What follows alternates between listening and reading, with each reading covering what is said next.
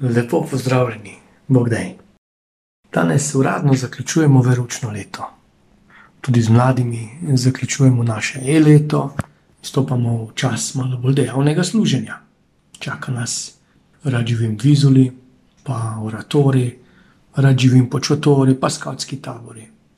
Praznujemo tudi prvo sveto obhajilo iz družinske kateheze. Priča smo z zaključkom srečanj naših zakonskih skupin. Svoje leto smo zaključili s skavti, zaključujemo srečanja malih občestev, vseh udeležencev iz tistih, ki so januarja začeli srečanje E-Alfa, pa gotovo sem še kaj spustil. Se mi pa postavlja vprašanje, ali so to res zaključki. Po eni strani nimamo radi zaključkov, ker je tako lepo biti skupaj. Sploh pa po takem letu je bližina še tako, še kako blagodejna. Po drugi strani pa je težko nekaj zaključiti, če tega nisi niti prav začel. Veliki pisec, podjetnik, humorist in še kaj, Mark Twain, je na hudomušen način spodbudil svoje sodelavce, ko je na vrata urada, kjer so vstopali vsi uslužbenci, zapisal: Prosim, da zaposleni ne odhajajo domov, preden so prišli na delo. Kako torej lahko zaključim nekaj, preden sem to sploh prav začel? Spominjam se nekega dečka, ki je še kar vehementno razlagal celotni okolici, kako se je odločil, da bo pustil punco. Pa moja sošolka hitro odvrnila: Težko, taki jo boš pustil, niti ne ve zate. Ja, v tem letu sem toliko krat slišal, kako težki časi so. Pa verjamem, da za mnoge res. Ampak ne verjamem, da tudi leto prej za mnoge ni bilo težko. In leto prej, in leto prej. Samo pomislite na tistega, ki je pred nekaj leti izgubil službo ali izgubil ljubljeno osebo, izgubil boj z boleznijo, boj z zasvojenostjo ali se predal v obup. Ko tako slišim razlagati na dolgo in široko o tem letu, me spominja na neko deklico iz prvega razreda, ki sem jo imel pri veruku. Ne spomnim se točno, povabil sem jo, recimo na oratorij ali rad živim, pa mi je zatrdila, to pa ne bo šlo. Ker nima časa. Sem gledal ta mali drobižek in kako smešno se je slišalo iz njenih ust, nimam časa. In sem jih vprašal, a že poznaš na uro? Ne, to pa ne. Mi, mi je bilo jasno. Toliko krat je to slišala. Kako je to leto lahko bilo res težko, pa vendar je bilo tudi leto milosti. To leto je bilo za mnoge, ki so se na novo prerodili v Gospodu, leto spreobrnenja novega življenja.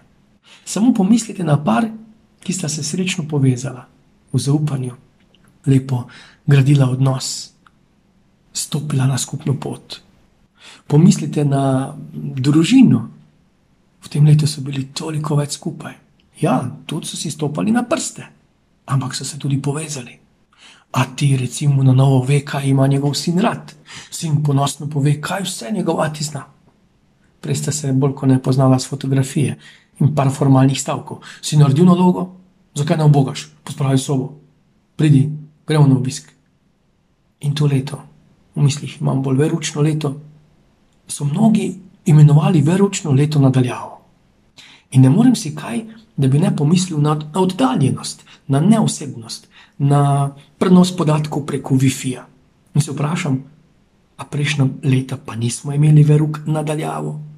Veruk se je sicer odvijal v ročni učilnici, ampak ta je tako daleč, daleč od igrišča, od doma, od srca. Tako veročencev, kaj šele staršev, in veliko krat žal tudi nas, katehetov. Nekaj let sem učil kitaro.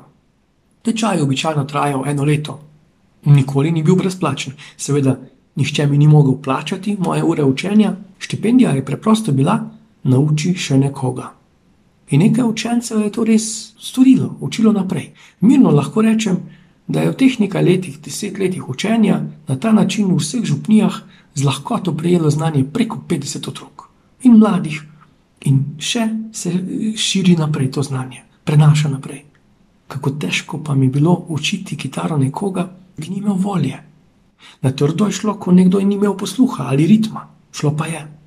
Sem se pa res spraševal v smislu, in se še sprašujem, kaj tam, kjer ni volje.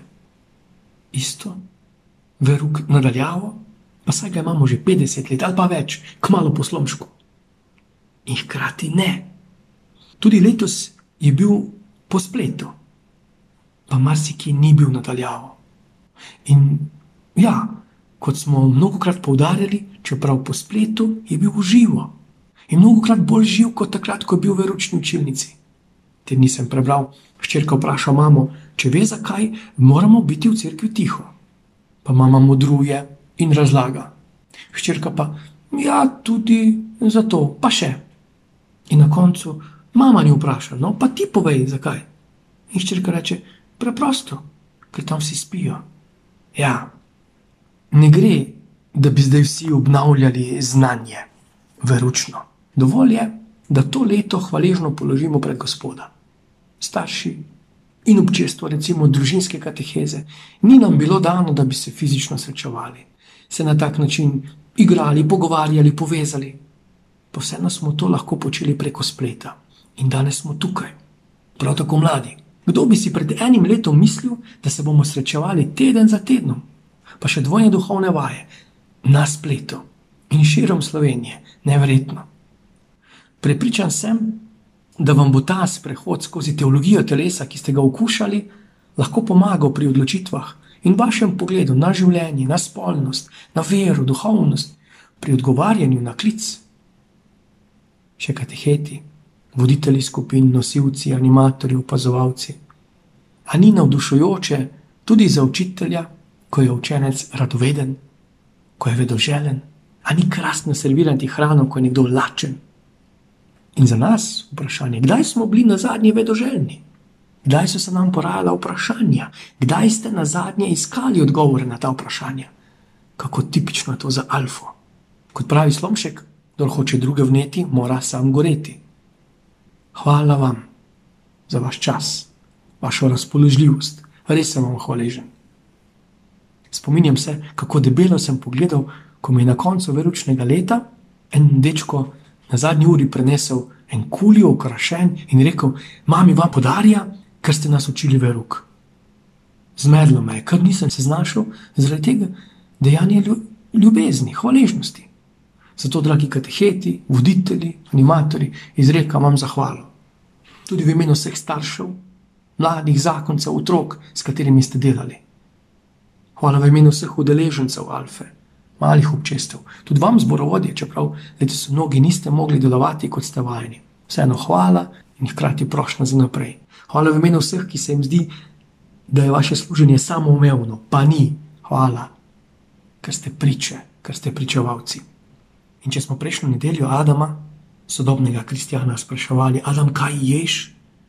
Kaj danes lahko vprašamo, Adam, današnji kristjan, koga poslušaš, kdo te uči, komu verjameš, komu zaupaš, kdo vpliva na te, kdo je za te vplivnež, tvoj influencer, tvoj zaupnik, tvoj prijatelj.